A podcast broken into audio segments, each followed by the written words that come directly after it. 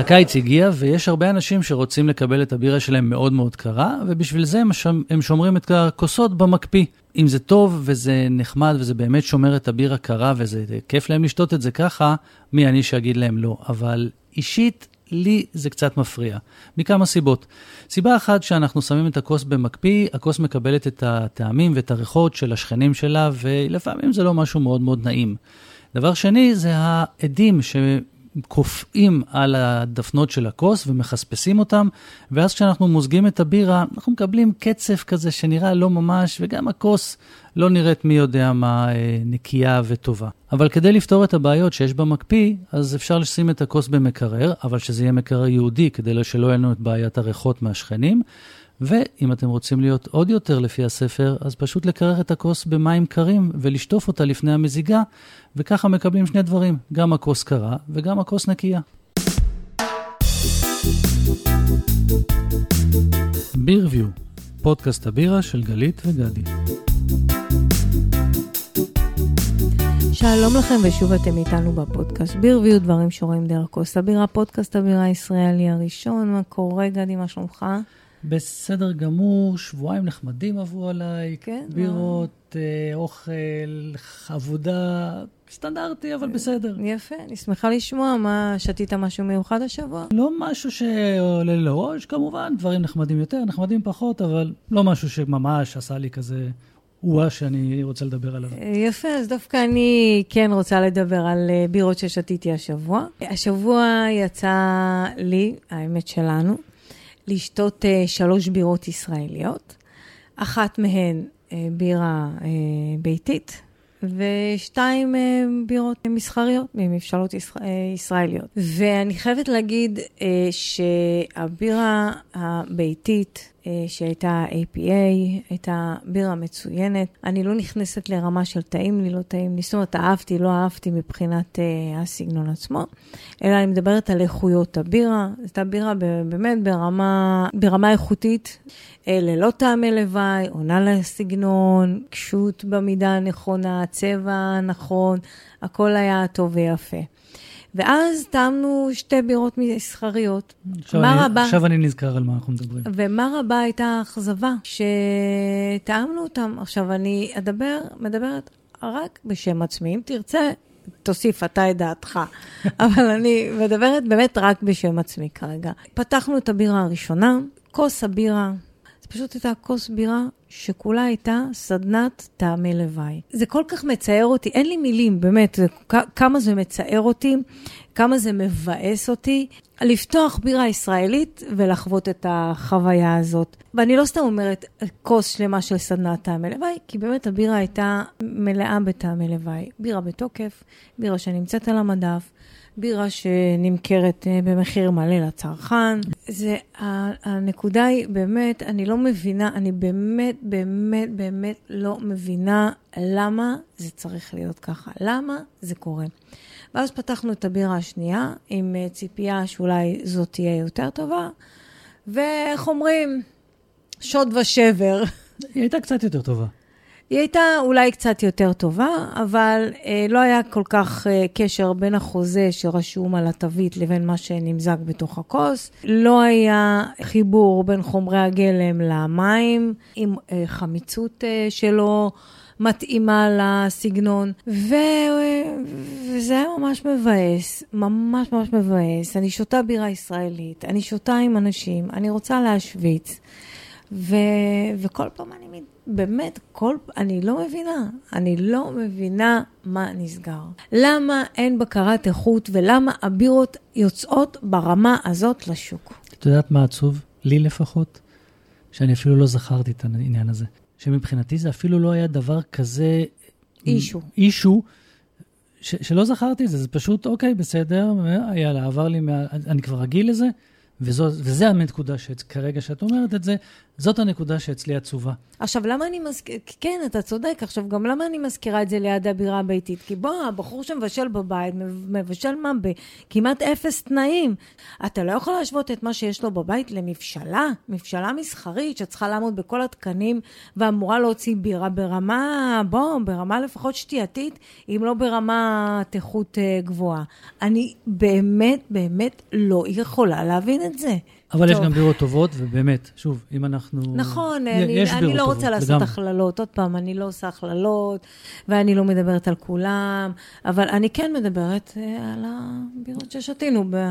כן, ושוב, אני, לא, מה שאני רוצה לתת, להדגיש, זה לא שיש מבשלות שהן לא טובות. מבשלות בסדר, אבל לפעמים קורה שבירה יוצאת לא טוב. תהיו מספיק כנים עם עצמכם, ותהיו מספיק מקצוענים. לא להוציא את זה לשוק, ולא, ולא לתת לאנשים לשתות את זה. על אף כל ה... וזה כואב בכיס, הכרוך, נכון? זה כואב, זה כואב בכיס. כל מה שכרוך, בדיוק, ועל אף כל מה שכרוך בתוך כל הסיפור הזה. טוב, טוב לפרק שלנו, בדיוק, לפרק שלנו uh, היום. Uh, היום אנחנו, יש לנו פרק, uh, ב, עוד פרק בסדרת uh, הפרקים של חומרי הגלם. יש לנו פרק תוסס. צ'סטג אדם. נו, באמת, גדי. והיום אנחנו נדבר uh, על uh, שמרים. Uh, כן, וככה לשים את עצמנו במקום. אז מה שבעצם הופך את התירוש של הבירה לבירה זה השמרים.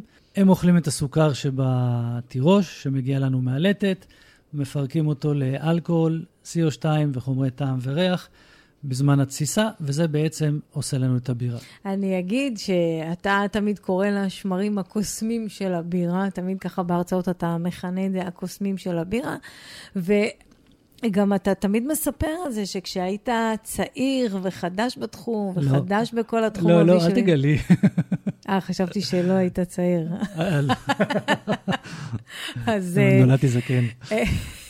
באמת, קיבלת על הראש מהמרצה שלך. אם היה פה עכשיו אה, וידאו, הייתם רואים איזה הסמקה רצה פה. כן, קיבלת, באמת, מזמן לא ראיתי אותך ככה מספיק. קיבלת על הראש ככה יפה מהמרצה שלך, כשהתווכחת איתו אה, על אה, חשיבות השמרים ואיזה חומר גלם חשוב יותר, ואז הוא פשוט אה, פת... נמאס לו ממך וגמר אה, את הוויכוח איתך בזה שהוא אמר, כשתגדל תבין.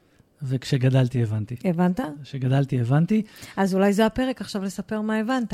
כן, אז נכון. אז רק קצת לפני להראות שאני לא כזה אה, נודניק. אולי קצת. מה, לא? קצת, בסדר.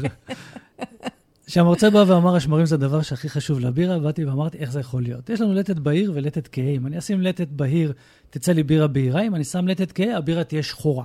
אז איך אתה יכול להגיד שהשמרים... הם החשובים ביותר. הם החשובים ביותר. הכל חשוב בעצם בשביל הבירה. אי אפשר להגיד שמשהו אחד הוא חשוב. ואז התווכחנו, התווכחנו את הכל, כמו שהוא אמר, כשתגדל תבין, ובאמת, סתמתי את הפה, כי מה לעשות, אני קצת מנומס, קצת. כשגדלתי הבנתי, נכון, הכל משפיע, הכל יוצר בירה מסוימת, אבל השמרים הם אלה שיוצרים, זה, זה אפס ואחד, הם אלה שיוצרים או לא יוצרים בירה. כל אחד ממרכיבי הבירה, מחומרי הגלם, הוא חשוב. יש לו השפעה. יש לו השפעה והוא בלעדיו חשוב. בלעדיו אי אפשר להכין בדיוק. בירה. אנחנו מדברים על, על ארבעת המרכיבים הבסיסיים, שזה מים, שמרים, אה, לטת וקשות. מבחינת החשיבות, בוא, בוא נגיד, אולי לא נקרא לזה חשיבות, אולי נקרא לזה, מבחינת ההשפעה, בוא נגיד, העונש שאתה מקבל על זה שאתה לא מפנק את השמרים כמו שצריך, או זה שאתה משתמש בשמרים לא כמו שצריך, העונש הוא כואב הרבה הרבה יותר מהעונש שתקבל עם המים שלך במינרלים לא נכונים, או אם הלטת שלך שמת קצת יותר מדי לטת כהה, והבירה נהייתה לך קצת צרופה. כן. מבחינה הזאת של השמרים, סטייה קטנה, אתה תקבל כזה עונש, שבשביל זה אני אומר שזה המרכיב החשוב. זה או שתהיה לך בירה, או שלא תהיה לך בירה. או שתהיה לך... או שתהיה לך בירה שהיא... כמו שתיים ששתית... אה, כן, ש... או שתצא לך בירה תענוג. נכון. באמת השמרים זה המרכיב הכי קריטי וצריך לדעת הכי הרבה לטפל בו, כי בניגוד לשאר המרכיבים שהם דוממים, שאת יודעת מה, מה קיבלת ואת יודעת מה, יודעת מה, מה שמת מה ואת יודעת בסוף. מה תקבלי. בדיוק. את יכולה למדוד את זה, זה, זה אמפירי, אפשר, יש מדדים לצבע ומדדים למליחות ומדדים למרירות והכול. נכון. שמרים זה יצור חי. לא יודעת מה, איך הם יגיבו. כל פרט קטן בתנאים הסביבתיים ישנה את התפקוד שלהם. בדיוק, וזה גם יכול להיות לפעמים לא צפוי. נכון. התפקיד שלנו כמבשלים זה להראות לו את הדרך ולכוון אותו לאן אנחנו רוצים שהוא יגיע. אתה יודעת מה? בוא נעשה את משהו אחר, נגיד את זה אחרת. אה, מים, אה, לטת וקשות, זה הטייס אוטומטי. את נותנת לו, את מכניסה לו את המסלול, אני עכשיו פה, אני רוצה שאתה תגיע לשם, שמתי ככה, ככה וככה, תכנתתי אותך, סע לשלום, והוא יגיע. זה גם, אתה עושה את זה, דרך אגב, בסירים ה... נכון, בשפיידל, למשל. בכל השפיידלים והגריינפאדר נכון. ועם כל התוכנות. אתה את- מתכנת, מתכנת, מכניס. מכניס, וזהו.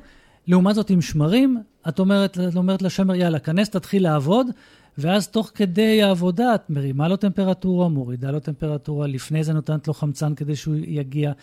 זה הסיפור של השמרים. את כל הזמן צריכה להיות בשמירה עליהם ולכוון אותם שהם יגיעו למקום שאת רוצה שהם יגיעו. זה לא שאתה סתם לוקח איזה שמר אקראי. זאת אומרת, יש לך סוגים של, תכף ניכנס לזה, יש לך סוגים של שמרים. לכל סוג של שמרים יש את פרופיל הטעם שלו, פרופיל הריח שלו. אה, אנחנו יודעים באיזה תנאים הוא עובד בצורה אופטימלית. ברור, זה הכל מדע. לא. בדיוק. זה הכל לא, מדע. זה לא שכאילו, אוקיי, עכשיו אה, מצאתי שקית שמרים, דחפתי אותה. לא. בואו נלך שנייה אחורה ונבין בכלל איך השמרים האלה התחלנו לעבוד אי איתם. אפשר, בירה זה חייבים היסטוריה. נכון. אז יאללה, קח זה- אותנו להיסטוריה. ואם זה היסטוריה, אז... אה, אז זה אתה. זה אני. אז ככה, מאז ומתמיד היו לנו שמרים בבירה. אנחנו בהתחלה לא ידענו שיש שמרים, אנחנו ידענו שכשלוקחים את הבירה ושמים אותה במים, או אפילו לא את הבירה, סליחה, כשלוקחים בצק או גרעינים ושמים אותם במים, יוצא מזה משהו. מי שעוקב מכיר את הסיפור של אדון קדמוני. אדון קדמוני, נכון, והאילן אינקסי. נכון. וההמנון לאילן אינקסי זה בעצם, זה בעצם מתכון בישול הבירה הראשון. ושם כתוב איך עושים בירה, רק לא יודעים מה קרה ולא יודעים מי עשה את העבודה. ידעו שזרקו כיכרות לחם למים וידעו שקיבלו משהו שעושה להם טוב בנשמה. אז זה היה הרבה הרבה הרבה שנים, ככה עשו את הבירה. בתקופת uh, ימי הביניים היו לנו את הנזירים במנזרים, שכנראה היה הרבה זמן פנוי היה להם, והם חיפשו מה לעשות בזמן הפנוי הזה, והם התחילו לחקור את כל הנושא הזה של הבירה, ובכל החקירות שלהם הם בעצם הבינו שמשהו, יש משהו שמגיע לבירה והוא שוקע או צף או הוא נמצא בבירה, ואם ניקח אותו ונעביר אותו לבירה אחרת, הוא יעשה את העבודה שלו יותר טוב. אז הם כבר כן. הבינו ש... אוקיי, זה לא בא מהאוויר, זה לא סתם ככה, אלא הנה, שמנו את היד על מה שזה היה. לא ממש עדיין הצליחו אה, לקרוא לילד בשמו, אבל הם כן ידעו שמשהו עושה את הבירה. שיש עוד משהו. שיש עוד משהו, כן, שהם לא בדיוק מבינים אותו, אבל הם ידעו שיש כזה דבר. אני, אני חושבת שבתקופה הזאת, או בתקופה שלפני, זה היה יותר משהו אלוהי, כל דבר שלא יודעים להסביר אותו זה או אלוהים או חייזרים. אז או האישה, האישה כשזה משהו רע. כשזה התקלקל. כשזה, שזה לא טוב זה אישה. בדיוק. זה, זה תמיד, זה ברור, זה מאז ומתמיד היה ידוע. התקלקל, האישה, נכון, הייתה אשמה. ככל שהתקדמה הטכנולוגיה, והיו לנו דברים כדי לחקור את הנושא, הנושא הזה של השמרים, הבנו יותר ויותר, ואז באזור 1600 אה, ומשהו, מדען אה, הולנדי שהלך והשתמש במיקרוסקופ, פתאום גילה מה זה השמרים, הוא ראה אותם, ראה אותם אה, בעין. טכנולוגיה התפתחה יותר ונתנה כלים לחוקרים לחקור יותר ולהבין יותר. ואז אה, בשנות ה-1800, אז כבר התחילו אה, לבודד את השמרים, או לפני זה כבר התחילו להבין מה השמרים עושים. התחילו להבין שהם מתחילים וגדלים ואיך הם מתחלקים. שוב, המיקרוסקופים היו יותר טובים. ואז המשיכו, ואמיל יאנסן ממעבדות אה, קרלסברג ועוד אה, בחור גרמני בשם רוברט קוך, הצליחו לבודד אפילו את השמרים. זאת אומרת, מתוך כל התערובת הזאת שנפלה לנו מהשמיים, בתוך, שהיו בתוכה גם שמרי בירה, גם שמרים פראיים, גם כל מיני חיידקים ובקטריות, הם הצליחו לבודד את השמר שהוא זה שעושה את הבירה. ויחד עם אמיל יאנסן וקוך, אז אדון לואי פסטר, שכולנו מכירים אותו, הבין את הצד השני, הבין מה גורם לבירה להתקלקל. ואז ביחד, כשלוקחים את כל הידע הזה ביחד, הוא עבד על אנחנו... כל הנושא של הפסטור. בדיוק, כל הנושא של הפסטור, ו- ולדעת מה מקלקל, איזה, מה, איך עובדים האורגניזמים. ואחרי ש- שיש לנו היום כבר את כל הידע הזה, אנחנו יודעים בדיוק מה השמרים עושים, ו- ויותר מזה, גם היום אנחנו כל הזמן מתפתחים, ואנחנו כל הזמן, יש תיאוריות חדשות, וב-20 שנה האלה, שנה האחרונות, שאנחנו בנושא הזה של הבירה, אני כבר קראתי הרבה מאמרים ש... ש- סותרים מאמרים שהיו לפני 20 שנה ומדברים על דברים אחרים, mm-hmm. ופתאום רואים שתהליכים שפעם חשבו שהם קיימים, היום אומרים, אוקיי, הם לא תמיד קיימים, הם קיימים בתנאים מסוימים. כל הזמן, הנושא הזה של השמרים הוא כל הזמן מתפתח, mm-hmm. ועוד לא אמרנו את המילה האחרונה, אה, מבחינת הידע. את, נכון, ואנחנו גם רואים את ההתפתחות הזאת במוצרים שיש לך על המדף נכון. היום, אה, שזמינים לכל מבשל, זמינים למבשלות. אוקיי, את מדברת על כן. חומרי הגלם, אני מדבר כן. על המוצר הסופי. הוא גם יותר טעים, הוא גם יותר ורסטילי בטעם שלו, הוא גם יותר נקי בטעמים שלו, זמן המדף שלו הולך מחפשים- וגדל, בדיוק, מנסים למצוא את המוצר שיהיה, אה, למצוא מוצר שיהיה עמיד יותר. וטעים יותר, ו- ומעניין בדיוק. יותר. בדיוק. למה כל המדע בעצם מסתובב סביב השמרים? כי אז- הבירה הייתה הלב, הבירה הייתה הלב, היא בדיוק. הייתה החיים בעצם. נכון, אז לואי פסטר, שמצא את כל הנושא של האורגניזמים והפסטור ואיך, מה מקלקל מזון, עשה את זה על בירה, כי זה היה הדבר, אחד הדברים החשובים בשוק ובדיאטה. עוד דבר, כל הנושא הזה של השמרים היה נושא מאוד יצרי, ובגלל שהידע היה מפוזר בעולם ברמות שונות, אז היה הרבה עניין של גנבות ידע. אה, גבריאל סדרמאייר, שנסע לאנגליה, שהם היו הראשונים שם, דרהר. וגנב... אה, דרהר וסדלמאייר, שניהם. כן.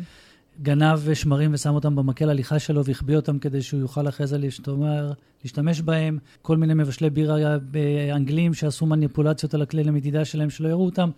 משהו מאוד מאוד מאוד אה, יצרי. עכשיו, יש עוד דבר שאנחנו רואים לאורך כל ההיסטוריה, זה את המאבק הזה שיש בין אופי הלחם למבשלי הבירה.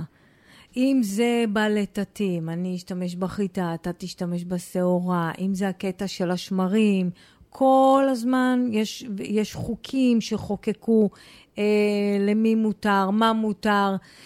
כל הזמן יש את המאבק הזה, כי באמת גם הלחם וגם הבירה היו אה, עמוד המרכז. התווך של האוכל, כן. בדיוק, המרכז של התפריט, אה, התפריט היומי. אז בואו שנייה נעשה עצירה בקטע של ההיסטוריה, ונתמקד באמת ב, אה, בשמרים אה, ובעולם הבירה. גם את האפייה נשים כרגע בצד. אנחנו יודעים שעולם הבירה נחלק לשתי מחלקות, של שמרי לאגר ושמרי אל, דיברנו על זה גם בפרק 7, אתם מוזמנים לחזור לשם וגם קצת לרענן את הזיכרון. אה, תחת אה, המחלקה של שמרי האל, יש לנו מגוון מאוד רחב של אה, שמרים, של תתי זנים של שמרים. מותר לי לתת איזה מ- מילה מפוצצת? כן, בטח, תמיד. סחרומיסיס סרבסיה. נכון. שזה השם של... אלה- זה השם של זן השמרים, שמרי האייל שאנחנו קוראים לו. נכון.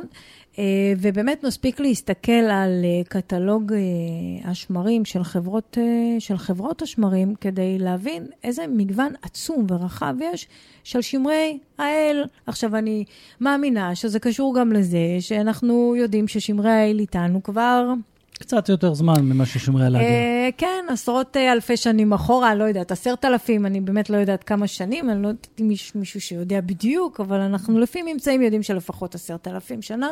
אז יש להם פור על שמרי הלאגר ו, אה, ועל החקר שלהם, ואנחנו יכולים לראות באמת המון סוגים, מגוון סוגים של שמרי אל שקיימים בשוק. ואני רוצה להגיד שכל תת זן כזה של שמרים, יש לו את פרופיל הטעם שלו ואת הארומה הייחודית לו, ואנחנו רואים את זה בסגנונות הבירה השונים. למשל, אם אנחנו ניקח את בירת חיטה, יש את שמרי החיטה שיש להם את פרופיל הטעם והארומה שלהם, למשל ציפורן ובננה שאנחנו יכולים אה, לטעום. יש לזה את מאפייני התסיסה, כאילו לשמרים האלה את מאפייני התסיסה שלהם. יש לנו את השמרים שאנחנו נשתמש בבירות בלגיות, ששם אנחנו נקבל את האסטרים אה, המאוד מיוחדים ואת פרופיל הארומה והטעם המאוד מיוחד לבירות בלגיות. יש לנו את השמרים שאנחנו נשתמש אה, בבירות אנגליות למשל. יש לנו את השמרים אה, שייתנו לנו יותר אולי אה, טעם אה, יותר חמאתי. יש לנו את השמרים שאנחנו נשתמש בבירות אמריקאיות, ששם הטעמים והארומות יהיו יותר אולי נקיות. זאת אומרת, יש מגוון מאוד מאוד רחב של שמרים, שאנחנו אה, נראה אותם בסגנונות בירה שונים, אבל כולם נכנסים תחת סגנונות אייל, אוקיי? למחלקת האייל, וכולם נכנסים, אה, איך נגיד את זה? אה, תחת ה... צבע של הבירה, שזה לא משנה אם זה בירה בהירה או בירה כהה. כן, אין קשר. אוקיי? הצבע של אין הבירה קשר. לא נקבע, צבע של הבירה נקבע על ידי הלטת, לא על ידי השמרים, וזה לא משנה. בדיוק, לא משנה אם הבירה היא כהה או בהירה, תחת המחלקה של האל, אנחנו נמצא שם. מגוון אה, גדול. מגוון רחב מאוד של סגנונות בירה, וכנ"ל לגבי האלכוהול. לא משנה אם האלכוהול הוא גבוה או נמוך, אנחנו נמצא תחת ה... המחלקה הזאת של שמרי האל, בירות עם אלכוהול נמוך ואלכוהול גבוה. אני חושב גם שהעניין הזה של המגוון הגדול בשמרים של האייל נובע מהטמפרטורת התסיסה שלהם. אייל תוסס באזור ה-15 ומעלה מעלות, לעומת זאת לאגר תוסס בטמפרטורות נמוכות יותר, 5 עד 12. נכון, הם יותר ידידותיים. לא רק שהם יותר ידידותיים, בטמפרטורה הגבוהה הם גם מוציאים יותר טעמים. טמפרטורה נמוכה של תסיסה מדכאת טעמים. וכשאנחנו מתחילים לעבוד בטמפרטורה גבוהה, הטעמים מתחילים לצאת, ואז כל שמר נותן לנו משהו שונה לגמרי.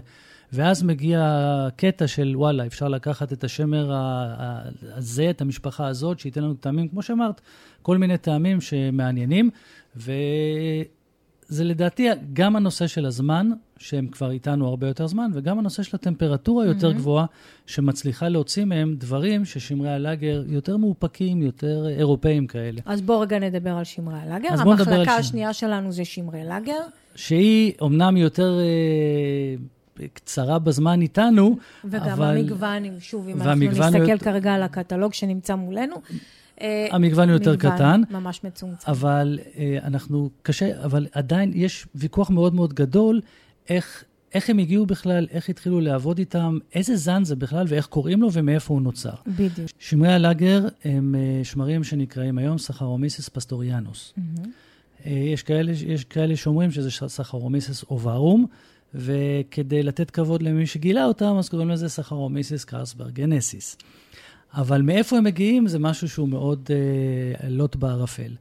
יש כאלה שאומרים ששמרי הלאגר זה הכלאה בין שמרי אה, אייל רגילים, Saccharomyces cerevisiae, ושמרים שנקראים Saccharomyces eubayanus, שהמקור שלהם גם כן פה אה, לא בדיוק יודעים, עשו ריצופים גנטיים.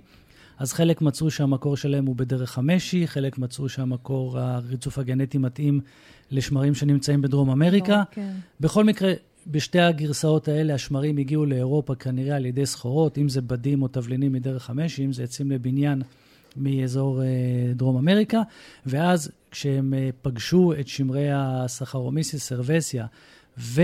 פגשו את אה, שיטת בישול הבירה בגרמניה של המאה ה-12-13, שהם היו לוקחים את הבירות ושמים אותם במרתפים הקרים שלהם, וטמפרטורת התסיסה ירדה מהטמפרטורה הרגילה של שמרי האייל לטמפרטורה נמוכה יותר, של סביבות 8-9 מעלות, אז... הם היו חייבים לעשות איזושהי אדפטציה גנטית, וככה השילוב של שניהם הוציא את שמרי, השמרים שאנחנו קוראים להם שמרי לאגר. אז רגע, בוא נגיד באיזה טמפרטורה שמרי הלאגר... אה? שמרי הלאגר יודעים לעבוד בין 5 ל-10, 12 מעלות. עכשיו, אני רוצה להגיד משהו עם סימן קריאה מאוד גדול ואדום. יש uh, באמת uh, דעה רווחת ששמרי הלאגר uh, uh, תוססים בטמפרטורות שאמרת.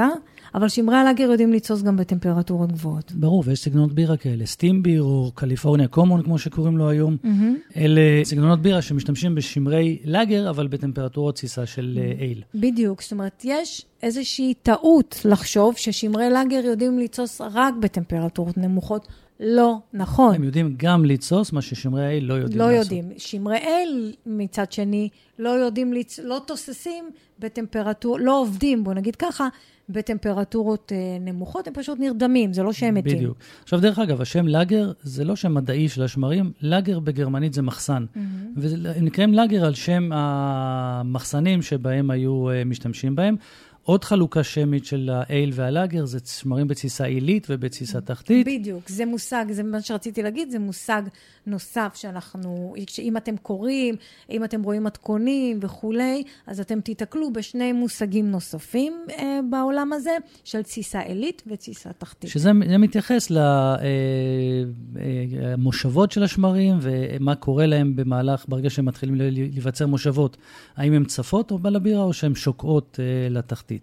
אז אלה השמרים. זה, ב... זה התסיסה עילית ותסיסה תחתית. דיברנו על שמרי אייל, לאגר ויש שמרים פראיים. שמרים הפראיים... זה לא בדיוק שמרים, כי אנחנו לא ממש רוצים אותם. אחד השמרים הפראיים... שמרים. כן, אחד השמרים הפראיים שאנחנו, שכן מוצאים בבירה זה הברט, אה, ברטנומיציס. כן. זה שמר שלפי שמו רואים שהוא בעצם מגיע לנו מבריטניה. אה, הוא נכנס לבירה אה, מחביות העץ שבהם היו מיישנים את הבירה. הוא נותן לבירה טעמים שאנחנו קוראים להם טעמים פאנקים כאלה. אורבל, למשל, אני חושבת. אורבל, הבירה בלגית, נחשבת לבירה שממש אפשר לראות שם את ה... אה, התפתחות של השמרים גם לאורך השנים, אם שומרים את הבירה יותר זמן. יש לנו שמרים, ויש לנו כל מיני בקטריות שעושות את הבירות החמוצות, את הלמביקים, את הגוזה, את הברלינר וייס. שזה ששמה- תסיסות אלטרנטיביות. שזה תסיסות. עם חיידקים, כן. לא עם, לא עם שמרים, למרות שעכשיו המחקר הביא זן שמרים חדש שיודע לתת את הטעם שנותן הלקטובצילוס, החיידק. ולמה עושים את זה? כי זה יותר נוח, זה מונע זיהומים במבשלות. שוב, נכנסים עכשיו חזק מאוד בנושא של השמרים, כדי להוציא... לתת טעמים, מענה. כדי לתת מענה לכל מיני בעיות ולתת טעמים חדשים שמבשלות הקראפט מחפשות אותם. וראינו את זה גם בעולם הקשות, וראינו את זה גם בעולם של המלט. רואים את זה בכל העולמות, כן. כי מנסים באמת לרתום את ה- המדע לכ- לטובת ההתפתחות של הבירה. בדיוק. מה, שהיה, מה שהיה כל השנים, רק בעצימות יותר נמוכה, כי המדע לא היה כזה מפותח כמו היום. נכון, אז אם אנחנו מדברים על המדע, אז בואו רגע נדבר על המצאת המקרר. אוקיי, וזה מחבר אותנו לשמרי הלאגר. שמרי הלאגר, איך בכלל הגענו לנושא הזה של שמרי הלאגר? מבשלי הבירה בגרמניה שמו לב שכשהם שמים את הבירות שלהם במרתפים, ששם הטמפרטורה נמוכה, הבירות יוצאות, יוצאות יותר טעימות. מן הסתם היום אנחנו, כל, לכל ילד זה ברור, מה, בטח, אם תשים אוכל במקרר זה ישמור עליו. כי אנחנו בעצם מונעים מהחיידקים קלקול. לגדול, מונעים להתקלקל, מהחיידקים לגדול ולקלקל את הבירה. אז הם שמו לב שהם שמו את הבירה במרתפים, הבירה יצאה יותר טוב. מה שקרה שם, ששמרי הלאגר התחילו לעבוד, או המשיכו לעבוד, שמרי האל הפסיקו לעבוד, ואז הבירה יצאה באמת יותר טעימה. אבל הם לא יכלו לעשות את זה כל השנה, כי בקיץ היה חם, הטמפרטורה הייתה עולה. ואז הם היו חי... חשבו, אוקיי, איך אנחנו מקררים את המרתפים שלנו. אז הם התחילו לחצוב, עם הקרח. אה, לחצוב קרח ולהכניס את זה למרתפים. אפשר לראות את זה יפה בממשלת פילזנר אורקוול בפילזן. מה שהביא בסופו של דבר להמצאה שנקראת מקרר. המקרר הראשון הומצא על ידי גרמני בשם פון לינדה עבור מבשלת שפטן, כדי לבשל את בירת הלאגר כל השנה, בלי להתחיל להתעסק עם נושא של אה, קרח וכל מיני דברים כאלה. אבל אז דיברנו על זה שעולם הבירה, כל הזמן יש אה, מריבות ותככים, וגנבו פה, לקחו משם וזה. ואז התחיל עניין, לא כל אחד יכל לייצר בירת לאגר כל השנה, יכלו לייצר רק מבשלות שהיה להם מקרר.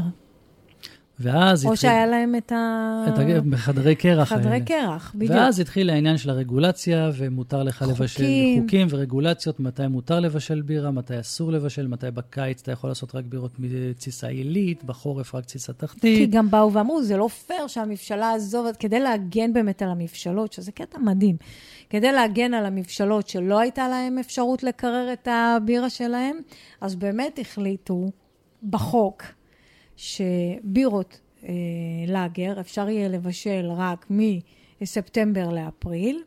אוקיי? ולא לבשל, ואי אפשר לבשל בירות לאגר בתאריכים אחרים. נכון, וזה גם, דרך אגב, נתן... שזה מדהים. שזה גם נכון, ונתן גם עוד איזה קטע. כי לא ידעו לשמר שמרים אז, לא היו בנקים של שמרים. ואמרנו שהקטע של שמרי הלאגר זה בעצם אה, איזשהו אה, סינון אה, אבולוציוני בגלל הקור.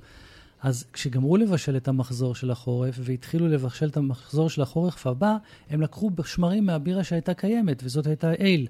זאת אומרת, ואז הם התחילו לבשל, והבירות הראשונות, עד שהם התחילו, עד שהקור התחיל להשפיע על הסינון של השמרים, בעצם היו יותר דומות לאיילים, ורק עם החורף, לאט-לאט, הם יותר ויותר קיבלו את המאפיינים של הלאגר. שוב, עד המרץ-אפריל, mm-hmm. הפסיקו, ואז חזרו עוד פעם ועוד פעם הבירות היו. ככה המחזור הזה, בגלל שלא ידעו לשמר את השמרים לאורך זמן, הבירה כל פעם הייתה מקבלת טעם שונה בהתאם לטמפרטורה והזמן בשנה. נכון. אז אז הם עשו בירה קראפט? אז הם עשו בירה קראפט, כן. אז אם אנחנו כבר מדברים על טעמים ובירות, בואו נצא לטייסטינג רום. אוקיי. אז יאללה, נצא לטייסטינג רום.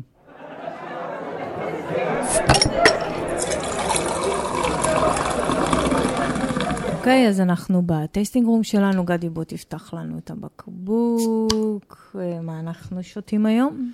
אנחנו שותים היום בירה שנקראת המשתה, בירה שיוצרה במבשלת אה, שקמה. ו... מה מיוחד בה? מה מיוחד בה? המיוחד בה שהיא יוצרה משמרים שהאבות אבותיהם שלושת אלפים שנה אחורה, משהו כזה.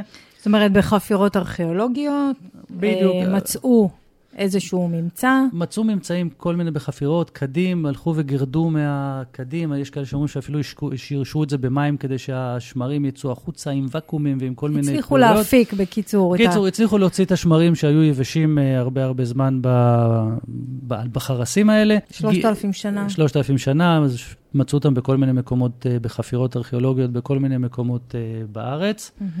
לאט לאט גידלו אותם ועשו עליהם כל מיני מניפולציות באמת כדי uh, לבודד אותם ולקבל רק את השמרים ולא את כל הדברים שמסביב. ובסופו של דבר השמרים האלה הגיעו למשפלת שקמה וביקשו שיעשו את הבירה. זאת אומרת, הארכיאולוגים ארכיאולוגים, ביולוגים שעבדו. ביולוגים פנו והחליטו באמת... Uh, אה, לנסות אה, לבשל מזה בירה ולראות אה, מה יקרה. האמת היא שהפרויקט הזה כבר פרויקט ארוך, שפנו, עשו מזה תמד מהשמרים mm-hmm. האלה, והתחילו לשחק. זאת אומרת, עשו בשלבים. כן, כבר משחקים עם זה הרבה הרבה זמן. הפינאלה זה באמת להגיע לממשלה שהיא ממשלה גדולה יחסית, mm-hmm. שהם יעשו להם את, ה, את העבודה עם השמרים האלה.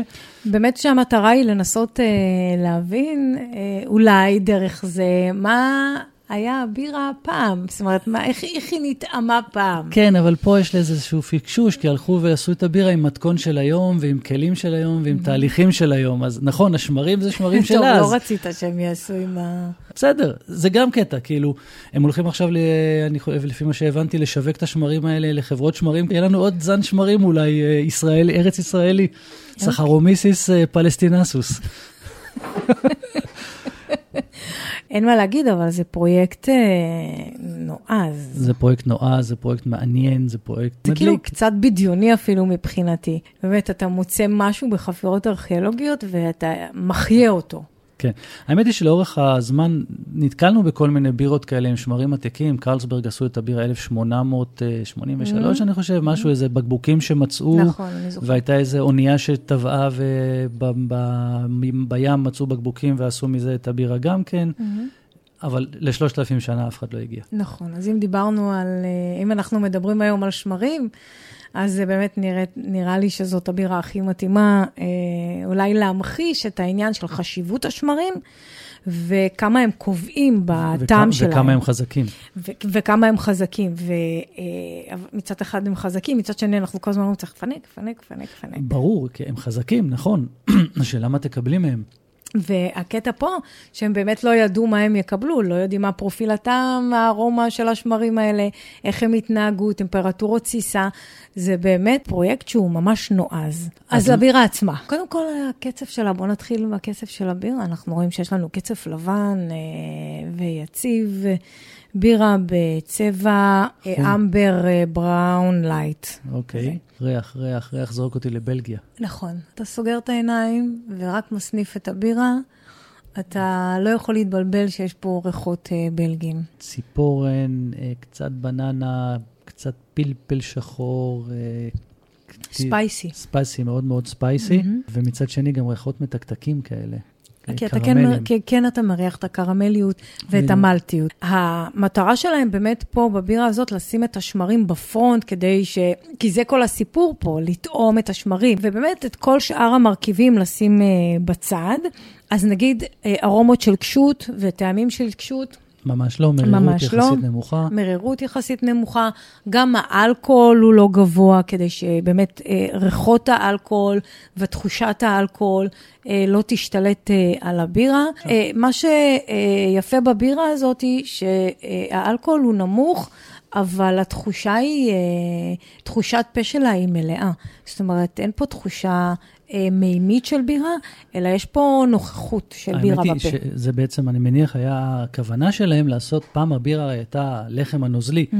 אז הם כיוונו פה למשהו שהוא מאוד uh, עשיר בטעם, שזה יהיה, שזה, שזה יהיה משתה, שזאת תהיה ארוחה בעצם בבקבוק. בדיוק. ובואי, אם, אם הייתי לוקח את זה בטעימה עיוורת ומריח, הייתי אומר, וואלה, יש לי פה בירה בלגית. נכון, כן, בירה לגמרי בלגית. בירה בלגית. המיגוס שלה הוא עדין, כן, היא בירה, כן, אתה כן מרגיש שאתה אוכל. הניסיון הוא נחמד. האפטר טייסט שלה הוא מלטי, בסיומת מעט חמצמץ. Mm-hmm. מעניין. ונגיד סיפור. שזה זה, זה סיפור, אבל זה גם בירה שהיא לא תיכנס לסדרה הקבועה שלהם, זה משהו שהוא חד פעמי, לפי מה שאני מבינה. כן, לא? לא, לא קיבלנו פה בירה שאנחנו לא מכירים, קיבלנו בירה בלגית, זאת אומרת, גם השמרים מלפני 3,000 שנה יודעים לעשות את אותם דברים שאנחנו עושים היום, זה לא משהו שונה לגמרי. זה כאילו טעימה מהעבר. כן, סוג של טעימה מהעבר, סוג של, סוג של קטע, קטע סוג- נחמד. כן, של סיפור, כמו שאתה אומר. אז זאת הייתה השקמה של... אה, המשתה. המשתה של שקמה. בירה עם אה, שורשים... אה, היסטוריים. היסטוריים מלפני 3,000 שנה. לחיים. לחיים.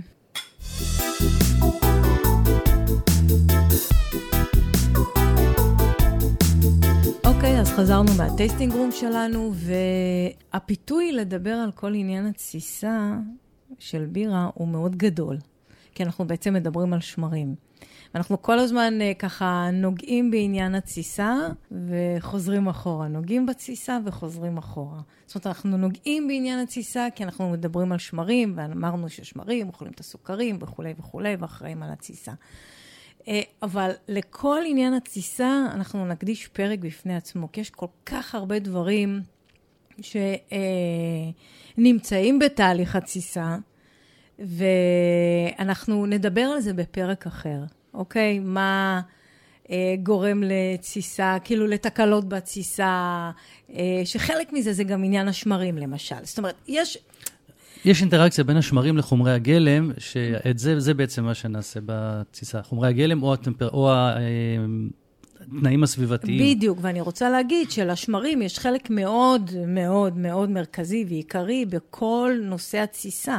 אבל אנחנו לא יכולים עכשיו להיכנס לזה, כי זה, אה, אנחנו נאבד את הכיוון. כי יש גם עניין של מבנה מכל התסיסה והלחצים בדיוק. שיש שם, ואם זה יש תסיסה פתוחה או כל תסיסה כך סגורה. הרבה פרמטרים שמתייחסים לנושא התסיסה, ששמרים זה חלק מזה, אוקיי? חלק עיקרי. חלק עיקרי, בדיוק. אז אנחנו, אה, בכל מה שקשור לתסיסה, ניקח, אה, נעצור כאילו בכל מה שקשור לתסיסה, ואני מבטיחה ניגע- שאנחנו ניגע- נדבר... ניגע בזה עכשיו רק בקצה. בק- בקצה, ואני מבטיחה שאנחנו נקדיש פרק שלם לכל נושא התסיסה. אוקיי? ר- רשמתי. את, את, את זה רשמת? רשמתי. זה היה לי מאוד חשוב להגיד את זה. אוקיי, אז, אה, אז בואו נחזור בעצם למה שדיברנו. אה, אחד הדברים המדהימים אה, שדיברנו עליהם זה באמת ה... כל ה... רגולציה. אני, לא, אני ממש מתפתה להשתמש בקטע של, במילה של תסיסה. כל התסיסה שיש בעולם הבירה סביב אה, אה, נושא אה, של אה, בישול בירה. ואם אנחנו מסתכלים אחורה, כמו שדיברנו, אה, אז אנחנו רואים שבאמת נקבעו כל מיני חוקים, והיו כל, בעקבות כל מיני מאבקים, וכל הזמן, העולם הזה כל הזמן בוער ויצרי, ויש כל מיני מאבקים, ו... אבל יש גם דברים יפים, יש גם דאגה, זאת אומרת, אה, אה, וראינו למשל שמבשלות, דיברנו על עניין המקרר, וראינו שמבשלות שלא יכלו לקרר את הבירה שלהם, בעצם אם הם לא היו בתקופה של אה, אפריל-ספטמבר, ספטמבר-אפריל, הם לא יכלו לבשל בירה לאגר. אבל היו מבשלות שכן היה להם מקרר, אז הם כן יכלו לבשל בירות לאגר כל השנה. אז היה מי שדאג להם. אז בא החוק, בדיוק, בא החוק, ואמר אה, שבחודשי הקיץ, גם אם יש לך מקרר, אתה לא יכול לבשל בירה לאגר. למה? כי אנחנו לא, הם לא רצו לפגוע במבשלות אה, שאין להם מקרר. זה, זה קטע שהוא כאילו מקסים בעיניי, הדאגה הזאת. זאת אומרת, לא, וואלה, יש לי מקרר, אני הולך לדפוק את המערכת ולבשל בירה לאגר כל השנה. ו- לא. אם אני זוכרת נכון, תתקן אותי, הייתה אפילו איזושהי תביעה אה, במאה ה-14 נגד מבשלה ששיווקה לאגר בקיץ, שזה היה בניגוד לחוק. כן, זה היה בנירנברג, בבית המשפט בנירנברג. כן. ואם את כבר אומרת המאה ה-14 ותביעה על נושא של אה, טמפרטורות תסיסה, זה עושה לי איזשהו קטע עם החוק תואר הבוואריה, ריינצגבוט, מהמם. שנולד ב-1516, ושם, כשמדברים על המרכיבים של הבירה, לא מכניסים את השמרים כמר- כחומר גלם של הבירה. מדברים על מים, לטת וקשות. נכון, סליחה, מים, שעורה וקשות, נכון. לא לטת. לא לטת. לא לטט. וכל הזמן אנשים אומרים, כן, כי אז עוד לא ידעו שהיו שמרים, רק אחר כך הכניסו את זה. אבל אם את אומרת, מספרת את מה שאת מספרת על התביעה הזאת מהמאה ה-14, שזה לפני, שהיה, זה, היה, זה היה לפני הריינצגבוט, אז בעצם פה... יש פה איזושהי יש פה סתירה. איזה- בדיוק, יש פה איזה סתירה, אז למה לא נכנס? דרך אגב, אנחנו גם דיברנו על כל הקטע ההיסטורי, זאת אומרת, הלכנו אחורה בהיסטוריה, וזה היה הרבה לפני 1500. כן, האמת היא ב, כבר במאה השמינית, כתוצאה מהעבודה של הנזירים במנזרים, הם הבינו שיש משהו שמייצר את התסיסה. הם לא קראו לזה אולי במילה שמרים. בדיוק, אבל הם ידעו שאם הם מעבירים את המשקע מפה, מבירה לבירה, ואני חושב שהזכרתי את זה כבר קודם, אז הבירה יוצאת יותר טובה. כן, דיברנו על זה. דיברת על זה מקודם, כן. בדיוק. לפני הטייסטינג. עכשיו, מה מחזיר אותי לזה שכן ידעו שיש לזה שמרים? כי בגרמניה היה מקצוע שקראו לו הפנר, כמו יו הפנר מפלייבוי. והמקצוע הזה של ההפנר, הוא היה זה שאמור היה לדאוג לשמרים, לקצור אותם מהתסיסה הקודמת, לנקות אותם, ל- ל- להוציא מהם את שאריות הבירה, שאת הבירה הזאת, דרך אגב, היו, היו מוכרים לעניים במחיר מוזל, כי היא הייתה קצת יותר מדי מרה. ואם היה מקצוע שקראו לו הפנר, הייתה גם כזאת אחורה, תמיד שנשאר לך, כשאתה שותה בירה, אתה שותה בירה, בקבוק בירה, אוקיי? ואתה מוזג לכוס, אז... אה, השמרים, אה, הכוס כן. האחרונה תמיד אה, מקבלת את כל השמרים. אני אגיד בסוגריים, לא, אני מפסיקה אותך באמצע הסיפור, לא משנה, אז אחר כך תזכיר לי, אני אספר את מה שרציתי להגיד. אוקיי. בקיצור, אז בגרמנית הפה זה, שמני, זה שמרים. גם היום קוראים לשמרים הפה. הפה וייצן. והפ- והפה וייצן, כן. והפה, הפנר, זה אותו זה שמטפל בשמרים. זאת אומרת, הם כן ידעו שיש דבר כזה, והם כן נתנו לו שם הפה. הפה. ועוד הוכחה לזה שהם ידעו לגמרי את הסיפור הזה של השמרים, בנובמבר 1500 יש תיעוד במינכן, שהיה משפט בין אופי הלחם למבשלי הבירה, למי יש את זכויות הקניין על השמרים.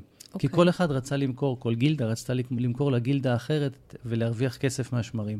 זאת אומרת, הם, וחוק תורה בבירה, בווארי זה ב-1516, 16 שנה אחרי המשפט הזה. כן. זאת אומרת, כן ידעו על השמרים. זאת אומרת, מה שאנחנו כל הזמן אה, אומרים, ווואלה, גם אני חטאתי בזה, זה בקטע שהם לא ידעו מה זה שמרים, זה לא נכון, הם בדיוק ידעו מה זה שמרים. אז, מה, אני- אז איך אנחנו פותרים את הקונפליקט? איך אנחנו מיישבים את הקונפליקט הזה? שהם אומרים ששמרים זה לא חומר גלם. כי, אתה שם, כי השמרים נמצאים זה שם. כאילו מובן מאליו. בדיוק, זה משהו שמובן... השמרים זה משהו מובן מאליו, שקיים. שנמצא וקיים, זה לא איזשהו חומר גלם שעכשיו אתה לוקח אותו ומוסיף אותו לתוך בישול הבירה. וזה גם דבר שגדל בבירה, זאת אומרת, שמים קצת ואז הוא גדל ונהיה נכון. הרבה, אז זה משהו שקיים שם, זה לא חומר גלם, וזה כנראה הסיבה לעניין הזה. עכשיו רצית לספר סיפור שהפרעתי. רגע. שנייה, אני רק רוצה לפני כן להגיד שזה גם כן קטע מדהים לראות את כל המאבקים האלה לאורך כל ההיסטוריה בין אופי הלחם למבשלי הבירה. טוב, כסף, כל הזמן, כל הזמן, אה, יש, אה, היו חיכוכים ו- ומריבות ותביעות משפטיות. וכל החוק יודעים- חוק תורה בירה, זה בדיוק. בשביל העניין הזה. בדיוק, וכל הקטע של מי משתמש בחיטה ומי משתמש בשעורה. זאת אומרת, העולם הזה של הבירה הוא בכפיפה אחת נגיד, באותו... אה, level. באותו level של, של לחם. שלחם זה חיים, כי גם בירה הייתה חיים אז. אוקיי? בירה אז הייתה חיים, לא... ומזה, באמת, מזה אנחנו יכולים באמת ללמוד שבירה היא הייתה החיים. נכון, זה, היום הבירה כבר נהייתה פחות חיים, זה נהיה יותר לייפסטייל, זה כל מיני דברים מעניינים. היום זה שיכורים. כן, לא, לא, לא. את יודעת יפה מאוד שאני אנטי הדבר הזה. אבל uh, זה נהיה לייפסטייל, זה, זה ליישן ולהכניס דברים, ודברים חדשים, וטעמים חדשים, ולדגום ולטעום, ולעשות התאמות של... כן. זה כבר מזמן עבר את הקטע הבסיסי הזה. אה, סיפור שרצית לספר. מה שרציתי להגיד, אה, זה איזושהי אנקדוטה קטנה. כשאנחנו אה, לא מפסטרים, לא מסננים בירה ומבקבקים אותה בבקבוק, אנחנו בעצם יכולים לראות בתחתית הבקבוק משקעים, שהמשקעים האלה ברובם הם שמרים. יש עוד כל מיני, לא ניכנס לזה כרגע, אבל ברובם הם שמרים. אה, וכאשר אנחנו מוזגים מאותו בקבוק לכוסות, אה, מה שקורה, בדרך כלל הכוס האחרונה חוטפת את כל המשקעים האלה אה, לתוך הכוס, ואז אנחנו רואים כוס צלולה, קצת פחות צלולה, וכוס ממש ממש עכורה. כדי להימנע מהדבר הזה, כדי שהכוס הראשונה תהיה שווה לכוס האחרונה במראה ובטעם שלה, יש דר, דרכים איך למזוג בירה מבקבוק אה, לכוסות. אם את זוכרת, באחת הממשלות בבלגיה, לפברה, הייתה להם בירה שהם היו מוזגים אותה בשתי כוסות. נכון. כוס אחת בשביל הבירה, ועוד אחר כך כוס קטנה, שוט כזה, שהם היו מוזגים את התחתית, את כל המשקע של השמרים. נכון. ואז יכולת לבחור אם לקחת את הכוס הקטנה ולהשקיע אותה בתוך הבירה ולערבב את הכל, אם לשתות את זה בתור אה, שוט בריאות בצד, כי זה כי זה, שמרים, שמרים זה דבר מאוד בריא. לא דיברנו על זה, אבל שמרים זה דבר מאוד בריא. נכון, ו- או לשתות, או לזרוק את זה הצידה ולשתות את הבירה צלולה. ואנחנו באמת אה, רואים את הקטע של המזיגה מבקבוק, אנחנו באמת רואים אה, היום ב- כשמוזגים בירת חיטה. יש את הקטע הזה של לערבב את הבקבוק, של לשפוט ככה, אה, כדי שבאמת השמרים יתערבבו באופן שווה בבקבוק, ו... אה, והמזיגה תהיה אחידה. כן, זה סתם איזשהו משהו אה, מעניין. עכשיו, אם אנחנו מדברים על אה, משקעים ושמרים וכולי, אה, בעצם לכל שמר ושמר, קצת הזכרנו את זה בהתחלה, יש את פרופיל הטעם שלו. זה לא, אוקיי, אני לוקח מה שבא לי ואני עושה מה שבא לי. אז, אז בואו ניכנס, נהיה קצת יותר ספציפיים. בדיוק. אנחנו מדברים מסביב מסביב. כן. בואו נהיה ספציפיים. בואו נדבר, ניקח למשל אה, את השמרים שמאוד אה, נפוצים בארץ, אה, שתי חברות מאוד נפוצות, Fermentis ו Lallemand. בואו ניקח למשל שמרים לבירות חיטה. אה, WB06 של Fermentis, Munich Classic של למ- Lallemand. השמרים האלה זה שמרים שהם נותנים את הטעם של הציפורן חזק. כן. זה נקרא אה, POF plus, והם מוציאים במהלך התסיסה את הטעם הציפורן הזה שמאוד מאוד אופייני לבירת, אה, לבירת חיטה. לכן, אם אתם רוצים לבשל בירת חיטה, קחו את השמרים המתאימים. בדיוק, קחו את אותו השמרים. דבר עם ה-T5. תדעו אבל שהם שמרי אייל. זה חשוב להגיד כן, את ברור, ברור. כן. או למשל T58, או המקביל שלו ב Lallemand אה, שמרי wit. זה. הם שמרים שמדגישים את הטעם של הבננה, שמאוד אופייני לחיטה בלגית. S04 או אה, Windsor של אה, Lallemand, 04 של אה, Fermentis, אלה שמרים אנגליים. השמרים האנגליים מאופיינים בזה שהם נותנים קצת אה, טעם של חמאה מהמם. בסוף הבישול, והם לא אוכלים את כל הסוכרים, הם משאירים איזושהי מתיקות בבירה. כן. Nottingham ו-US05. אה, שני שמרים שהם שמרים ניטרליים מאוד, יודעים לתסוס בטמפרטורות נמוכות, ברף הנמוך, ב-15 מעלות. הם נותנים פרופיל תסיסה מאוד אה, נקי מבחינת השמרים, טעמים ניטרליים של השמרים. לא פירותי, לא... לא פירותי, פחות ולא ב front, פירותי, לא כן. דיאצטילי, והם מש- הם, אה, אוכלים את השמרים, הם אוכלים את הסוכרים יותר, מה שנותן אה, מקום ללטת, מה שנותן מקום לקשות, ובאמת אוהבים להשתמש בזה הרבה, אלה שמרים אמריקאים נכון. נחשבים. נכון. בירות הקלש, שזה בעצם איזושהי החלאה בין אה, לאגר לאייל, זה בירת אייל, שבעצם עושים לה לאגרינג בטמפרטורות נמוכות, אז גם יש לה שמרים משלה, שיודעים להוציא את הטעמים. זאת אומרת, זה שמרי אייל שתוססים בטמפרטורות נמוכות. נמוכות, ועוברים, ועוברים תהליך של לאגרינג, תהליך של אה, עישון. כן. שמרי סזון, שמרי סזון אלה שמרים שיודעים לעבוד בטמפרטורות גבוהות ב-30 מעלות, הם מאוד מאוד פלפלים, הם מאוד מאוד אה, אה, עם טעמים של אה, ציפורן, מאוד אה, בלגים. מהמם. אז אה, זה ה... אה, הם בלגים, בים. אבל הם אה, עם טוויסט כזה. נכון, הם כאילו מפולפלים כאלה. בדיוק. יש בהם משהו שהוא פאנקי טיפה, יש בהם משהו שהוא אומר, אחר. אומרים, אומרים שהמקור שלהם זה איזושהי החלאה עם שמרי יין, כי המקור שלהם זה מדרום בלגיה וצפון צרפת, אז כן. אזור היין של צרפת, אומרים שזה איזושהי החלאה. זאת אומרת, אה, צריך לדעת שכשמשתמשים בשמרים האלה, זה נותן איזשהו טוויסט בדיוק. בעלילה של הבירה. בדיוק. יש בכלל את השמרים עכשיו שמאוד מאוד פופולריים, השמרים הנורבגיים, הקווייק למיניהם, הקווייק אה, לוטרה והקווייק, אה, לא זוכר את השם. מהווס. הווס, בדיוק. הווס והלוטרה שהם שמרים שיודעים לתסוס בטמפרטורות מאוד מאוד גבוהות יחסית, 30-35 מעלות, עושים את התסיסה מהר מאוד, עניין של שלושה, יומיים שלושה והם כבר גומרים את העבודה, והם גם נותנים טעמים מאוד נקיים, אז יש הרבה שמשתמשים בלוטרה כדי לייצר איזשהו, אה, הם אומרים אנחנו עושים פילזנר עם לוטרה. פילזנר צריך להכין, אין מה לעשות, להתסיס עם שמרי לאגר. אה, אבל אם אתם בבית ואין לכם את האפשרות אה, להשתמש במקרר תסיסה ולבקר את הטמפרטורה, לשלוט בטמפרטורה, אז יש שמרי אל שאפשר להשתמש בהם, וגם על זה כבר דיברנו בעבר, שהם אה, נקיים בטעם, והם הכי קרובים בטעם שלהם לפרופיל, נגיד, הטעמים של שמרי לאגר. אוקיי? כמו- ואז אתם מתסיסים בטמפרטורות יותר נמוכות כדי לדמות שמרי לאגר, טעמים, פרופיל טעמים של שמרי לאגר, אבל בשום מצב אתם לא יכולים לקרוא לבירה פילזנר. בדיוק. פה זה מתחיל איזשהו ויכוח, האם הקטגוריות, קטגוריזציה של הבירה היא באמת אה, כזאת אה, סטריקטית, או אולי לא, אולי זה מדבר על טעמים ולא על חומר גלם, אבל זה, אתה יודע מה, זה מקום... זה אולי לפרק פרק, אחר, בדיוק. בדיוק, עוד פרק. אם כבר דיברת על הקטע של מה זה פילזנר, ואם זה כן לאגר או אין לאגר, אז בואו נראה איזה סגנונות יש שהשמרים הם באמת בפרונט של הסגנון הזה, כן. והם נותנים לו את האופי ואת כל הטעמים. שזה בעצם החומר גלם הבולט בהם. כמו שדיברנו בקשות על סגנונות שהקשות הוא בפרונט, כמו IPA וכולי, ודיברנו על המלט, על הסגנונות שהשמרים שם הם בפרונט. כמו ה...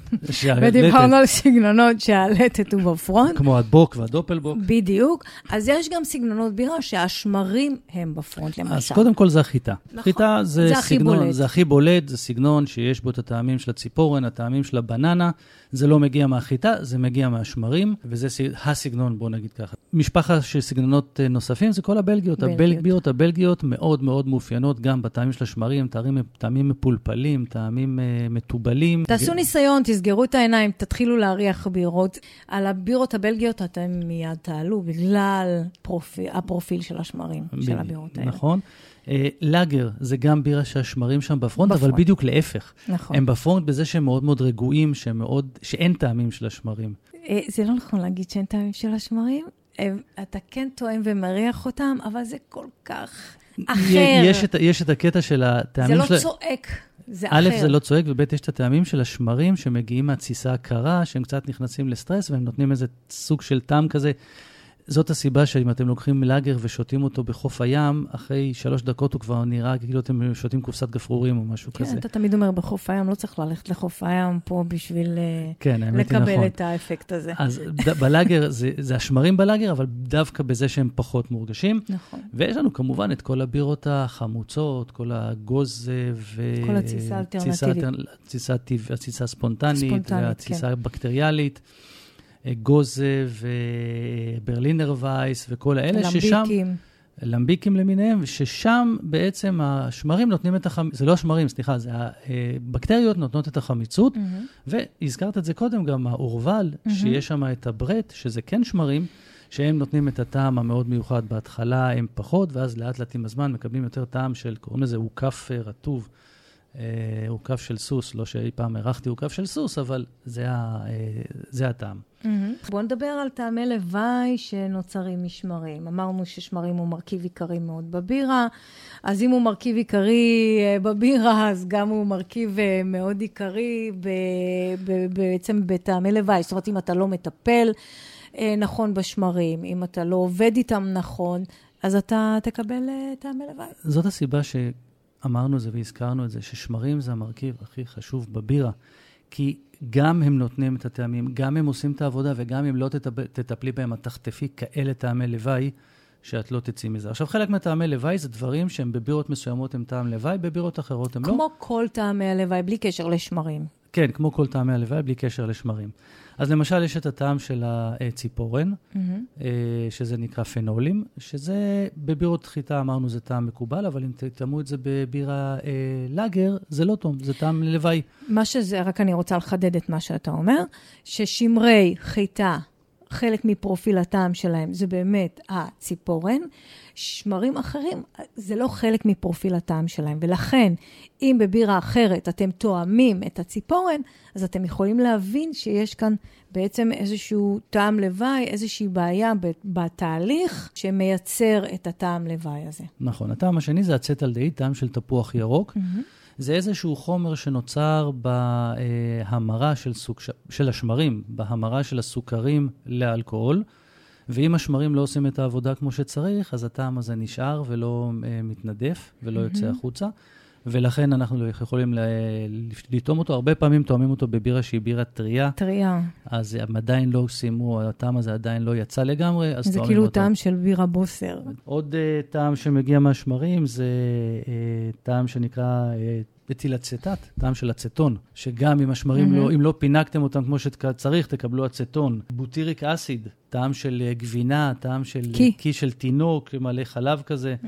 שוב, זה גם אה, איזושהי אה, בעיה בשמרים, בעיה mm-hmm. בזיהום. איזשהו טעם לוואי, אה... שזה ברור מאוד שלא נמצא בפרופיל, הטעמים בפרופיל הרגיל. הטעמים הרגיל של כל השמרים. הטעמים החמוצים שהרגע דיברנו עליהם של הבירה, חומצה אצטית, חומצה לקטית, הם שני הם טעמים שמגיעים, לא, לא משמרים, אבל מגיעים מבקטר, מבקטריות. Mm-hmm. אף על פי שכן, זה יכול להגיע בפילי סאוור, זה מגיע מהשמרים, נכון, אבל נכון. זה רצוי שם. פילי סאואר, נגיד שזה באמת אה, סוג של שמר אה, שנמצא היום אה, בשוק, אה, כדי לאפשר אה, להכין אה, בירות אה, שהן אה, חמוצות, בלי כל ה...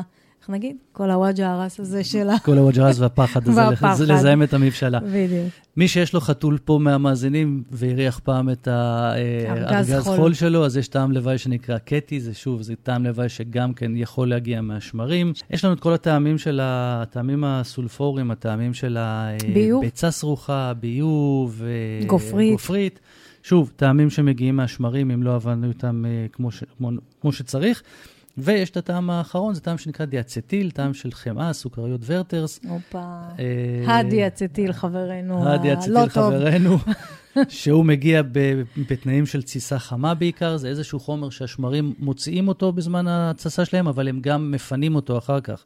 ואם התססה, אם תהליך התסיסה לא יהיה כמו שצריך, הטעמים האלה יישארו בבירה, וזה לא טוב, אלא אם אתם עושים אתם בירה עושים- אנגלית. אבל בוא, גם אם אתה עושה בירה אנגלית, הכל צריך להיות במידה מסוימת. והטעם האחרון שאני רוצה לדבר עליו זה טעם שנקרא מרצפטן, זה טעם של כמו גז בישול, טעם לוואי שנובע מדבר שנקרא אוטוליזה.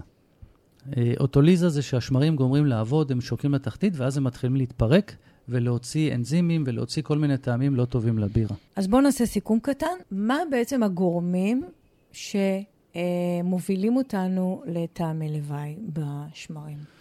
אז בואו נתחיל. קודם כל יש לנו, אולי נתחיל מהטמפרטורות.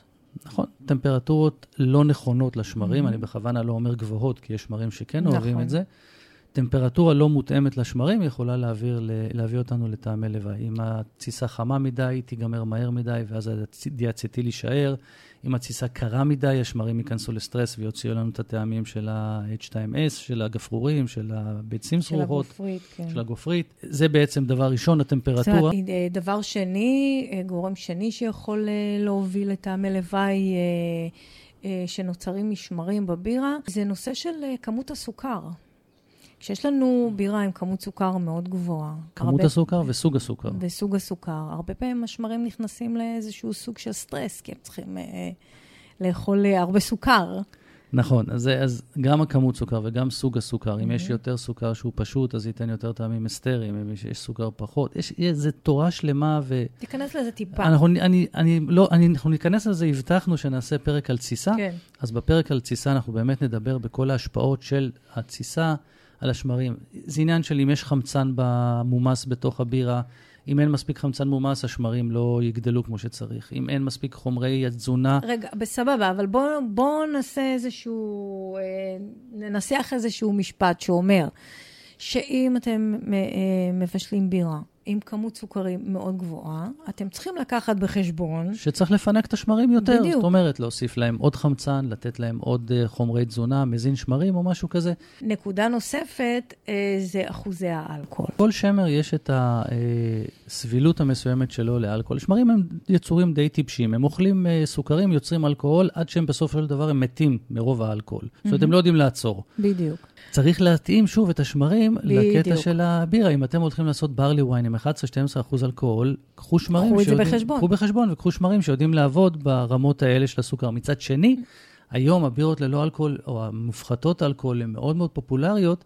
שם דווקא לוקחים שמרים שלא יודעים, שאין להם סבילות לאלכוהול, כדי שמהר מאוד הם יפסיקו לעבוד ימותו. וימותו כן. בר, ברמות אלכוהול אה, נמוכות. וככה בעצם מייצרים את בירה ללא אלכוהול עם כל הטעמים של התסיסה וכל הטעמים הטובים. עכשיו, אה, בעצם אה, כל מה שאנחנו מדברים עכשיו זה סוג של טיפים למבשלים, אז אם לא שמנו על זה כותרת, אז הנה הכותרת. אז אני שמה, אני שמה על זה כותרת. עוד דבר שאני רוצה לדבר עליו, זה איך מגיעים לנו השמרים. השמרים, אה, לבישול הביתי אנחנו באמת, יכולים, קודם כל השמרים מגיעים בשתי צורות. אחד, אה, כמו שמרי אפייה, היבשים, גרגירים היבשים, או נוזליים. אה, בארץ אה, פחות אה, פופולרי למצוא את השמרים הנוזליים. כי הם יותר בעייתיים, הם צריכים כל הזמן קירור, וההובלה שלהם הרבה יותר יקרה, וזמן המדף שלהם הרבה יותר קצר. זה מאוד חשוב לדעת ששמרים נוזליים זה מוצר שהוא רגיש. הוא גם רגיש בהגדרה של משרד הבריאות. כשמביאים אותם פה לארץ, צריכים להיות בקירור כל הזמן, התוקף שלהם קצר מאוד. יש להם תוקף של חצי שנה, משהו כזה, אם אני זוכר נכון. ומבחינת מחיר הם הרבה יותר יקרים, חשוב לשים לב לזה. אז תגידו, אז למה להשתמש בשמרים נוזלים? כי המגוון הוא יותר, המנעד הוא יותר רחב. עכשיו, אני רוצה פה להגיד דבר אחד, אין הבדל באיכות בין שמרים יבשים לשמרים נוזליים. האיכות היא אותה איכות. לשמרים נוזליים המגוון הרבה יותר גדול, כי לייבש שמרים זה חתיכת סיפור. ולכן לא מייבשים, אי אפשר לייבש כל זן, יש זנים מסוימים שלא עוברים טוב את הייבוש, ולכן בנוזלי יש לנו מנעד הרבה יותר גדול של שמרים, מנעד הרבה יותר גדול של טעמים. אבל שוב, אם אתם, או שאתם מביאים לעצמכם, או שאתם קונים פה בארץ, אם יש כזה דבר, שמרים נוזליים, שימו לב לעניין הזה. ההובלה היא מאוד מאוד בעייתית. תשאלו, אל תתביישו לשאול איך הובלתם את השמרים, בואי. איפה אחסנתם את השמרים, כי אחרת אה, השקעתם. אה, וקיבלתם בירה חמוצה. ת, בדיוק, ותקבלו בירה שתתקלקל. אז שימו לב, זאת הבעיה הגדולה של השמרים האלה, זה הנושא של האחסנה והתוקף, ולכן רוב העולם... וגם הרבה מהממשלות עובדות פשוט עם שמרים יבשים, ואין עם זה שום בעיית איכות. אני אומר עוד פעם, אין עם זה בעיית איכות. ועוד דבר אני רוצה להגיד לגבי שמר, שמרי לאגר, שימו לב לכמות של ה... כאילו, השקית של השמרים אה, לנפח הבישול שלכם. זאת אומרת, יש שמרים שצריך לשים שתי שקיות, נגיד ל-20 ליטר, שזה פחות או יותר הכמות המקובלת בבישול ביתי. כן, יש כל מיני, היום יש, בשמרים החדשים של היום יש כמויות שונות של ליטר, גרם לליטר. Mm-hmm. בדרך כלל על השקית יהיה כתוב מה הכמות המומלצת, תסתכלו עליה. ככל ש... ואותו דבר, כמו שאת אומרת על שמרי לאגר, גם על שמרים, אם את עושה אה, בירה עם אה, אחוזי אלכוהול מאוד גבוהים. נכון. בכל מקום שהשמרים נכנסים לסטרס, חייבים עוד שמרים. כי מה שקורה, אתם מקבלים תרבית קטנה של שמרים. כמה מיליונים של תאים, והם צריכים אחרי זה לגדול ולגדול ולגדול. אם לא תתנו להם מספיק בהתחלה, והתנאים הם תנאים קשים, הם לא יגדלו מספיק. כי חלק חלק לא מצליחים לגדול, יש בלאי, יש אה, בלאי טבעי לעניין הזה, mm-hmm. ולכן צריך לשים לב כמה שמרים הכנסתם. לא הכנסתם מספיק שמרים, אתם יכולים עוד פעם להכניס אותם לסטרס ולהיכנס לבעיה של טעמי לוואי. אז שימו לב להמלצות על העניין הזה. אוקיי, okay, אז אם דיברנו על uh, טעמי לוואי ועל uh, טיפים למבשלים, אז בואו נשים רגע פוקוס על עניין של מחזור שמרים. שזה משהו שקיים. זה משהו בתעשייה. שכבר מהמאה השמינית יודעים כמו שאפשר... כמו שאמרת כן, מקודם, היה מקצוע כזה. אפשר למחזר שמרים, היה הפנר, שהיה זה שמחזר את השמרים. בדיוק. הרעיון הוא בעצם לקחת uh, שמרים מבית קודם, להעביר אותם לבית הבא. הפלוסים של הדבר הזה, שהשמרים כבר חיים בבית הבא, הם יתחילו לעבוד הרבה יותר מהר. Uh, יש איזשהו uh, סינון אבולוציוני של השמרים היותר טובים. אה, ואומרים שזה גם מאוד uh, כלכלי. Mm-hmm. אז בואו אני אספר לכם. כלכלי, כשאנחנו מדברים אולי על מבשלות גדולות, בדיוק. לא כשאתה מדבר על 20 ליטר בבית. שקית שמרים עולה בסביבות ה-15-20 שקלים, אז בשביל הסכום הזה לדפוק בירה, כי יש הרבה סכנות בנושא הזה של מחזור שמרים. שנייה, תתעכב על הסכנות. הסכנות הגדולות זה קודם כל זיהום, שאתם פשוט יכולים בדרך לזהם אותם ברגע שהוצאתם אותם מהבירה. דבר שני זה מוטציות, mm-hmm. שאתם לא יודעים, אין לכם מיקרוסקופ, אתם לא יודעים להסתכל אם יש מוטציות בשמרים או אין מוטציות mm-hmm. בשמרים, וזה יכול להוות בעיה. ואתם תעשו את זה אם יש לכם באמת אה, את כל ה-facilities להפריד את השמרים הטובים מהשמרים הרעים, עושים, שטיפת, אה, עושים שטיפה עם חומצה ועוד כל מיני כאלה דברים כדי באמת להגיע לאיכות טובה. Mm-hmm. מה שעושים במבשלות... כמה מחזורים uh, אתה... זה תלוי, אני חושב שמדברים עד שמונה, שמונה משהו כזה, שמונה, עשרה, שמונה, שבעה מחזורים, משהו כזה, כי אחר כך באמת השמרים כבר מתחילים לקבל מוטציות, מוטציה. כי זה דבר שמסתגל לתנאים. Mm-hmm. אז באמת, שימו לב, אה, ויש גם, דרך אגב, אפשרות לקחת שמרים מבירות מסחריות ולהרבות אותם, אה, לקצור אותם מהמשקע שבתחתית הבקבוק, ואז להרבות רק אותם. רק בתנאי שזה בירה לא מסוננת. רק בתנאי שזה בירה לא מסוננת, ואז אתם בעצם יכולים להשתמש באותם שמרים של המבשלה. סביר להניח שבסופו של דבר תראו שזה או לא תראו, הסתבר לכם שזה אותו שמר שקניתם בחנות, או שהמשאלה עשתה לכם איזשהו קטע, שאת השמר שהתסיסה איתה, ששם היא נותנת כל הטעמים, הם סיננו, וכדי לקבל תסיסה בבקבוק ובירה לא, מס, לא מסוננת ולא מפוסטרת ולא זה, הם שמו שמרים אחרים. ואז תיקחו את השמרים האחרים ולא יצא לכם אותו דבר, עיין ערך דובל. עיין ערך דובל, ששם הם עושים את העישון עם שמרים של אה, לאגר ולא עם שמרים של אייל, בהם הם מתסיסים. עכשיו אתה הזכרת לי את האנגלים. עם כל הקומבינציות עם כל הפ... וכל הפרנויה שלהם שיגנבו להם את המתכון. וואי, וואי, זה, זה קטעים. והם שינו את הסקייל של ההידרומטר זה... וזה, כדי שאם מישהו יציץ, אז הוא יחשוב שהצפיפות היא כזו ולא כזו. האנגלים ו... היו ה-state of the art, הם היו הכי מתקדמים בנושא הזה של השמרים, שזה היה סדר מהר, הלך וגנב מהם את השמרים. כן.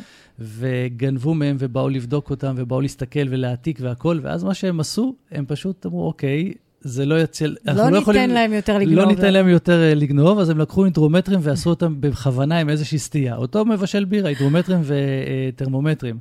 אותו מבשל בירה ידע מה הסטייה הזו, ידע לקבל את הערכים הנכונים, ואותו אורח שהגיע לגנוב את הידע אמר, אה, אוקיי, בסדר, מה, הם עושים את זה ב-28 מעלות? יאללה, נלך לעשות את זה גם. למרות שזה היה 20 מעלות, כי הייתה 8 מעלות, היו 8 מעלות סטייה. אז כן, זה היה מאוד... כל העולם הזה של השמרים, אה, זה, ההוא הבריח במקל הליכה שלו את השמרים, ואת זה לקחו. והכניסו וחטפו, ו... אה, כן, שמרים זה היה דבר מאוד מאוד מאוד, אה, כמו שאנחנו אומרים, חיוני. הם מאוד חיוניים, מאוד רציניים, הם מאוד משמעותיים לתהליך. מה שלא ראית בלטת, ומה שלא ראית במים, נכון. ומה שלא ראית בשום דבר, אבל כי... בשמרים כן ראית את הגנבות ואת ה... היה איסור, איסור ממשלתי ל... ל... ל...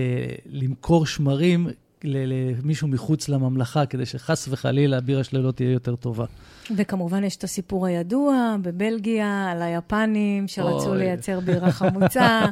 אה, הגיעו לאזור של מבשלת קנטילון, ששם אה, יש לנו את הבירה, הבירה האיקונית אה, שלהם. הגיעו לשם עם איזשהו טנקר, טנקר ענק והתחילו לשאוב את האוויר ולנסות לראות מה הבקטריות. מה הבקטריות שקיימות שם, כן. כן, אז סיפורים על שמרים לא חסרים, כי באמת זה היה מרכיב מאוד מאוד חשוב.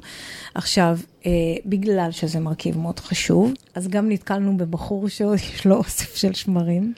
כן, אני חושב שזה היה בריגלה.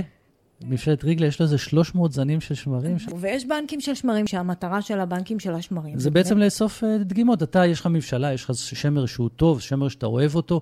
כמו שיש לך כסף, אתה הולך, מפקיד אותו בבנק, אותו דבר עם השמר. אתה לוקח את השמר שלך, מפקיד אותו בבנק. אין לך את היכולת לגדל את השמרים, אתה לא רוצה להתחיל להשקיע במעבדה, אתה הולך, שם את, מפקיד את השמרים שלך בבנק, וכל פעם שאתה צריך, אתה מושך, עושה משיכה מהבנק של השמרים. נכון.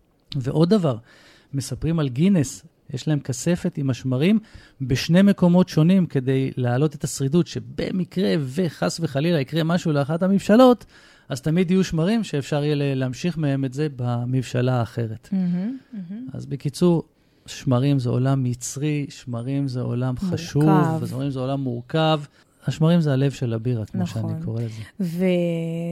ויש את מבשלת ברנרד, את הבעלים של מבשלת ברנרד, שבאמת יש לו את היכולות לטפח את השמרים, והוא... זה בדיוק ההפך מהבריטים שעשו הכל נכון. כדי שלא תקבל. הוא, הוא אומר... צ'כי. הוא צ'כי, והוא אומר דבר כזה, אבל יש מבשלה גדולה, יש לי את היכולת לטפח את השמרים, אני רוצה לעזור לחבר'ה הקטנים שנמצאים בדיוק. אצלי באזור. למה אז אני, לא? אז אני, למה לא? אז אני נותן להם שמרים. כל פעם שהם מבקשים, הם באים, לוקחים ממני את השמרים, אני נותן להם באהבה רבה. זה התרומה שלי שאני יכול לתרום, לעזור להם אה, לעשות לתעשיית הבירה ולעשות את הבירה הצ'כית, לשמר אותה. יש לנו עוד הרבה, אנחנו יכולים עוד להמשיך לקשקש ולדבר על שמרים, זה נושא כל כך מורכב. אז בואו נסכם את מה שדיברנו היום. אז היום קודם כל דיברנו על שמרים. אה, שמרי בירה. הקוסמים של אה, הבירה. הקוסמים של הבירה, כמו שגדי קורא להם. דיברנו על זה שזה באמת, אה, מבין כל חומרי הגלם שמרכיבים את הבירה, זה חומר הגלם החשוב ביותר, חומר גלם שצריך לדעת לטפל בו, לטפח אותו ולהשגיח עליו, ושגם אחרי שעשיתם את כל זה, לפעמים אתם תקבלו משהו אחר. שלא רציתם. שלא רציתם. דיברנו על ההיסטוריה של ההתפתחות של השמרים, הזכרנו את הנושא של, דיברנו על העניין של אייל, שמרי אייל.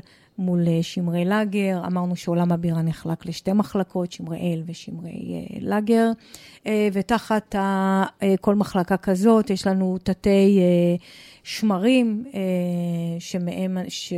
שכל אחד ש- יש לו את המאפיינים שלו בדיוק. ועושה בירה אחרת. כל, שימר, כל שמר יש לו את פרופיל הטעם ופרופיל הארומה שלו. אנחנו בוחרים אה, את השמר שאנחנו רוצים להשתמש בו לפי סגנון הבירה שאנחנו מבשלים ולפי התנאים הסביבתיים שלנו.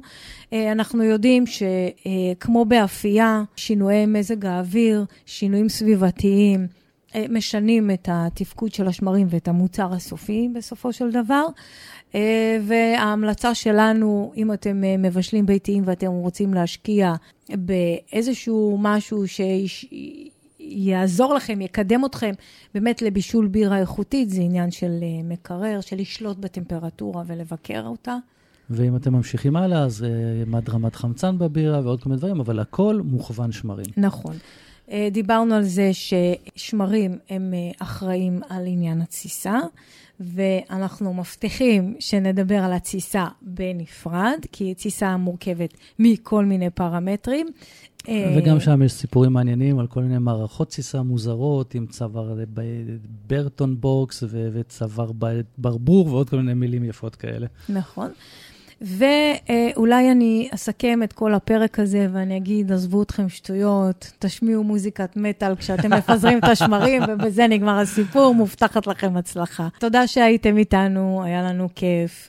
תוכלו למצוא אותנו ברשת. בפייסבוק, ביר ריוויו הפודקאסט. אם אתם רוצים לשמוע עוד על בירה, אנחנו בכיף נבוא אליכם ונשמיע לכם ונתאים לכם ונעשה לכם כל מיני אה, משחקים נחמדים עם הבירה, שתוכלו להכיר יותר את המשקה הזה. אתם יכולים כמובן לשאול אותנו שאלות, באמת, מה שאתם רוצים, אנחנו נשמח לענות. אה, זהו, היה לנו באמת כיף, אז תודה. היה שתו כיף, היה. באחריות. אה, יאללה, ביי. יאללה ביי.